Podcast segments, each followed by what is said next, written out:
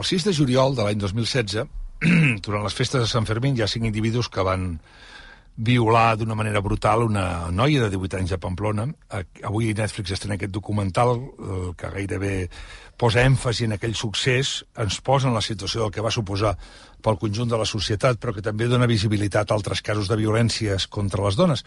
Un d'ells és el de la Nagore Lafage, una noia de 20 anys assassinada als Sant Fermines del 2008. I ho fa amb un, un testimoni molt colpidor de la seva mare, que avui ha volgut parlar amb nosaltres aquí al Món Arracú, que és l'Asun Casasola. Asun, bon dia, buenos días. Buenos días, buenos días. Le agradezco muchísimo que nos haya concedido esta conversación hoy, que es el día que se estrena el documental, pero además eh, también el mismo día que hoy, precisamente, su hija Nagore hubiera cumplido 36 años. Sí, supongo, que no, supongo que no hay día en que no piense en ella, pero un día como hoy todavía más, ¿no? Bueno, pues claro, no- todos los días pienso en ella, todos los días está en mi mente, claro, pero hay días que son pues más importantes, más señalizados y más, pues eso, es el día de su cumple, el día 7 de julio también es y la Navidad, son los, los tres puntos que son malos de llevar, pero bueno, eh, lo demás yo todos los días. Por ejemplo, este año, el año pasado fui a 104 colegios con el documental Nagore. Entonces, to- tú imagínate, todos los días estoy en ello. Y este año también he ido ya a ochenta y tantos colegios y, o, o pueblos o asociaciones, ¿me entiendes? Entonces, estoy todos los días en este tema porque creo que hay que estar en este tema, ¿eh? porque el mundo está bastante mal y tenemos que concienciarnos todos de que que hay que hacer algo entre todos para que esto cambie porque no, no estamos bien. No sé si, Ah. si- no sé si he tenido la oportunidad de ver el, el documental y si le ha gustado.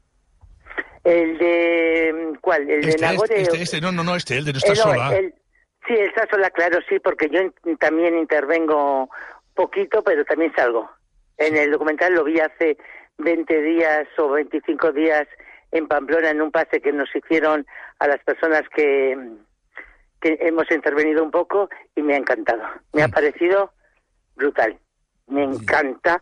Me ha parecido que Almudena ha hecho un documental perfecto para que el mundo se entere y luego se vea el trabajo que también hacen estos policías, el, el trabajo de la sociedad. O sea, me ha parecido que hay que hacer documentales de estos porque, ¿sabes qué pasa? Que yo cuando voy a los colegios, el mundo, estos chicos de ahora se piensan que, que esto no existe, que no es la realidad.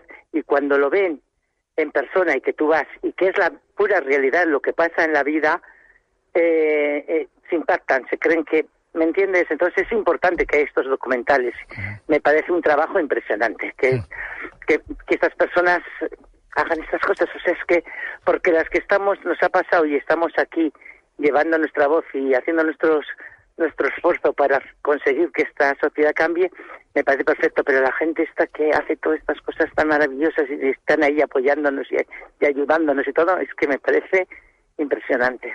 Usted pronuncia una frase en el documental que le parte el alma a uno cuando lo ve.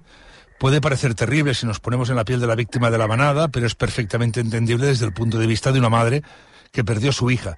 Dice que siempre piensa por qué Nagore no se dejó esa noche y aún seguiría viva. Es muy bestia, es muy bestia. Llegó a tener, le entiendo perfectamente, ¿eh?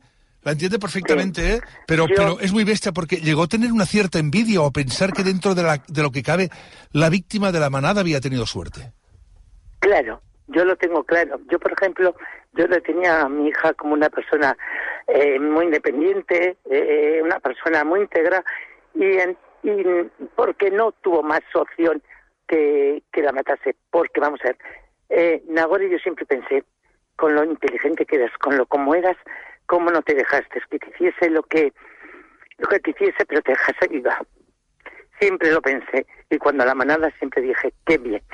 Mira, porque esa niña sigue viviendo, esa niña, si la protege la sociedad, si la gente la quiere, va a salir adelante. Nagore no. Pero ¿qué pasa? Que Nagore se encontró, mira, es diferente porque esos chicos de la manada no, no tenían peligro para ellos, porque no pensaban que les iban a pillar. ¿Qué pasa? El de Nagore era diferente, porque el de Nagore se conocían. Eh, eh, ¿Me entiendes? Él, él trabajaba de residente en cuarto de psiquiatría en la clínica y Nagore estaba en oncología en la clínica. Yo tengo Cuarto fotos. de psiquiatría, ¿eh? El, el asesino cuarto de psiquiatría, ¿eh? Sí, estaba haciendo prácticas de cuarto de psiquiatría en la misma clínica que Nagore estaba en oncología haciendo prácticas de enfermera en la clínica universitaria de Pamplona. Entonces ellos se conocían, yo tengo fotos donde está una enferma, en Nagore en un lado de la cama como enfermera y él como psiquiatra atendiendo a las personas, o sea, ellos se distinguían. Entonces, ¿qué pasa? Que cuando él, el problema del de Nagore es que, porque como se conocían, él cuando Nagore fueron al piso porque quisieron, está clarísimo. Por lo que sea, Nagore no quiso hacer lo que, él pensaba que tenía que hacer y se cabrea y le da 36 golpes. Le rompe el cráneo y la mandíbula y 36 golpes en el cuerpo. Nagore queda como semi-inconsciente, fíjate lo cobarde. Primero, que un, una persona que no es capaz, no es capaz de que por una niña le diga que no, la pega la gran paliza. Después, es médico, él es médico. Podía haber recogido y llevarla a la clínica para atenderla, porque según los forenses no habría muerto de los golpes. No sé cómo habría quedado, pero no habría muerto. Y como es un cobarde, no le lleva. Cuando Nagore llama al 112 y dice, me va a matar, me va a matar, la estrangula. Y fíjate la, la mente de este personaje que coge y llama a un amigo para que la acompañe a tirar al monte a la niña y el amigo es el que la denuncia. Pero, piénsate mira, ese personaje, ¿cómo puede estar? Y pensar una cosa, que él no pudo acabar eh, psiquiatría porque como comete un delito, ya no es psiquiatra, pero en la cárcel hizo psicología y es psicólogo y trabaja de psicólogo. No, no, bueno, y hay una cosa, perdón, ¿eh? el, lo del juicio Perdone que le voy a repetir la frase de un... De un sí, no te preocupes. Perdone la pregunta porque se lo hicieron en el juicio. Que no, que no, que no, yo, yo hablo de todo, no te preocupes. Ya, no, no, no, se lo pregunto porque se lo preguntaron así a... ¿Su hija era una ligona?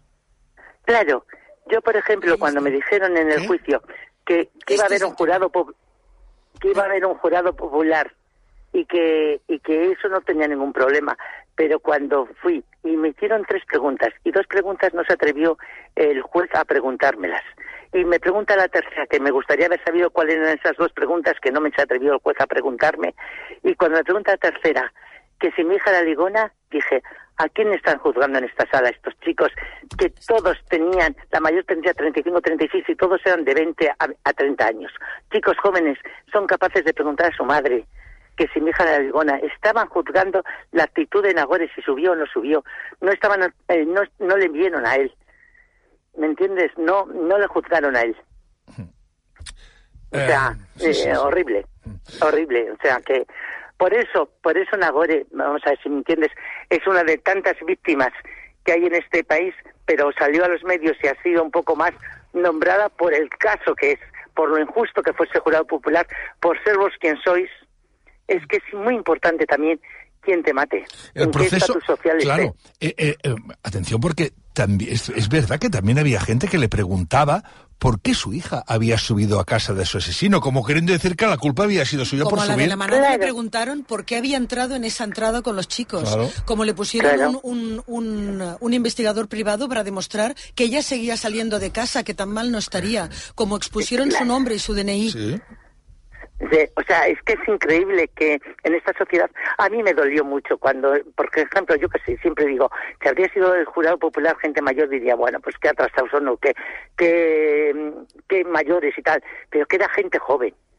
Que me hagan a mí la pregunta, que si mi hija de Digona, que estés cuestionando, que le ves al otro lo que ha hecho, que el de los golpes que tenían ahora cuando presentaron en el juicio los, los, golpes tuvieron que parar el juicio porque no eran capaces de ver las, las imágenes y luego digan que es un homicidio y con un homicidio sean 15 años, que fue lo que el juez puso 15 años de máxima, pero como luego entregan 126.000 euros que encima te ponen la coletilla, ¿qué es lo que vale una niña de 20 años en un accidente de tráfico? Que por eso entregan 126.000 euros me parece horrible. Y después que no te puedas negar a cogerlos porque te dicen, yo decía, no quiero el dinero, no quiero el dinero, quiero los 15 años. Pero te dicen, no te preocupes, dice, si no quieres el dinero, se lo devuelves, pero por la acción de habértelo entregado le van a quitar dos años y medio. Entonces me los quedé. O sea, mira qué justicia tenemos. Como el caso Alves. En el caso Alves, la reparación, que es como se llama efectivamente estos 150.000 euros basados en baremos de accidentes de tráfico, no en asesinatos, sino en accidentes de tráfico. La reparación, pues si la persona tiene dinero, como el caso de Dani Alves y como el caso de Nagore, pues le exime de una parte de la condena. Eso habría que no me parece justo. Claro, eso no me parece justo, porque si yo no quiero el dinero, no quiero el dinero, yo no quiero el dinero. Eh, la, familia que quiera no lo sé, pero yo no quería el dinero, ¿me entiendes? Yo quería que si eran 15 años, serían 15 años. Claro, luego es que, el de Nagore no llegó a 8 años, hoy no llegó a 9 años, perdona, eh, en la cárcel. Y después que esté trabajando de psicólogo y que ahora, como ya han pasado 15 años, que es lo que la, la ley, lo que le lo que lee esto puede trabajar hasta la seguridad social, ya. Y dentro de poco no tendrá ni, antecedentes eh, penales. En este caso, en este caso que nos que nos explica, em, creo que en el caso, yo es que lo de la manada lo teníamos muy fresco en la memoria, pero el caso de Nagori yo no lo tenía fresco. Es más, eh, ahora me envía la compañera Gemma Herrero. Hay un, documental, ¿eh? Sí, sí, sí, es que me ha enviado la Gemma precisamente que el doco está en filming, se llama Nagore. Eh, se llama Nagore. Nagore, Nagore tal cual. Gemerrero hoy, eh, eh, en julio recomendó Nagore y hoy ha recomendado, porque también lo ha visto, como lo hemos visto nosotros, este documental sobre la manada, pero a mí del caso de la manada decía que el, documental, y no sé si estaremos de acuerdo, al margen de su caso, que es el que a mí me ha sorprendido por, por no acordarme, el que me ha sorprendido más, yo entrego mis alabanzas a la fiscal del caso. La fiscal del caso es una mujer fuerte, extraordinaria y con un y al antiguo alcalde de Pamplona que hay un momento que se emociona cuando dice pero cómo voy yo no voy a voy tengo una hija está emocionadísimo con todo lo que ha pasado. Pero creo que en el año 2018 el asesino de su hijo ya empezó a salir de la cárcel después de cumplir nueve de los doce años que le tocaban. Qué sintió en ese momento usted como madre bueno pues lo primero mira sientes que no que no hay justicia que que esto no, no es normal. Y encima una cosa, no te, no te lo dice la justicia, no te manda una carta, va a salir de la cárcel. Te enteras por un periodista de Telecinco que como en San Fermín siempre hacemos eh, hacen una concentración llegando a San Fermín por Nagore, te dice, ya sabes que está en la cárcel y está trabajando en una clínica en, en Madrid de de mm, cómo es psicólogo. de psicólogo, De, psicólogo. o sea te enteras encima por un periodista. O sea que ves que esto es una mierda. Lo que pasa es que hay cosas que no puedes luchar contra las cosas. Yo lucho contra pues eso yo voy a los colegios miramos el documental de Nagore lo tratamos hablo con las niñas diciendo que que se quieran que eso que que se den cuenta de que normalmente el que hace mal es el que conoces. Porque a lo mejor el que no conoces Mira, yo sé de un caso de una chica que le hicieron de todo, pero como no le conocía, hasta se fumó un cigarro con él y le, y, le dijo, dice, si no te, eh, pero ¿por qué me vas a matar? Porque el chico le dijo, te voy a matar. Dice, pues no me mates. Dice, si yo no te conozco. Y se salvó porque no la conocía. Ahora, los que te conocen te van a matar porque sabes cómo les vas a denunciar, pues te matan porque es más fácil. Pero es verdad que este individuo además llegó a ejercer de psiquiatra, creo. No, psicólogo. psicólogo, perdona. Llegó a ser psicólogo, incluso hace, está, ejerciendo, está, ejerciendo. Claro, porque en 2020 cumplió la pena del todo.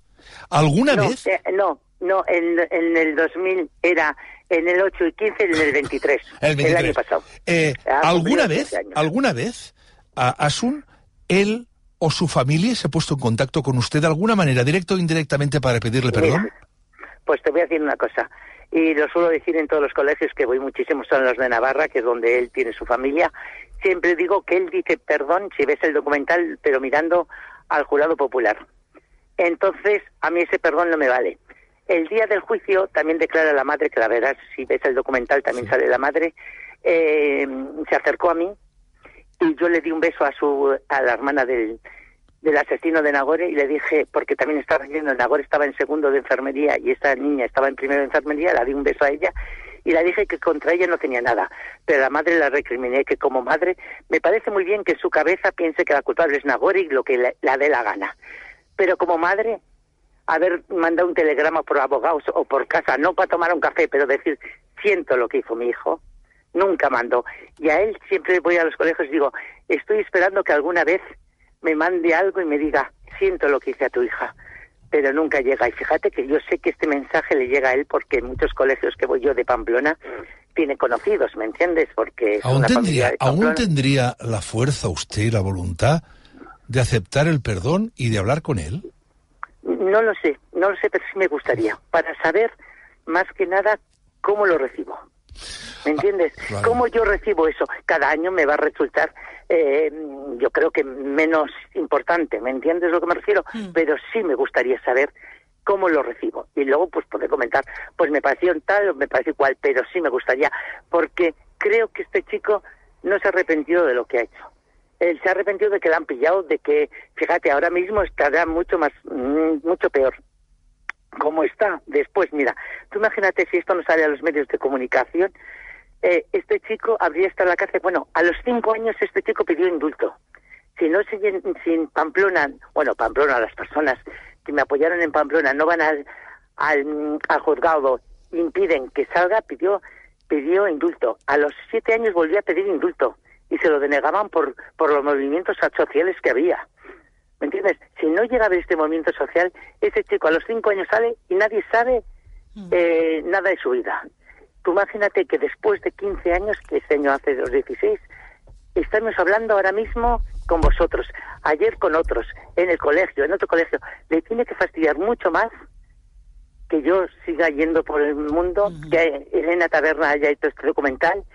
O sea, eso es mucho más justicia que, pues el que le habrían pues dicho asesino y tal. ¿Me ah, entiendes? Sí, perfectamente, siento Dentro, dentro de las madres, me siento pues una madre privilegiada por pero por el apoyo social que tengo. Bueno, incluso el impresionante. cada siete, ahora me ha enviado un mensaje la periodista de La Vanguardia, Maica Navarro, con una fotografía de un balcón de, de, la calle Estafeta de Pamplona cada año, el, 7, el 7 de julio, por tu ausencia, Nagore.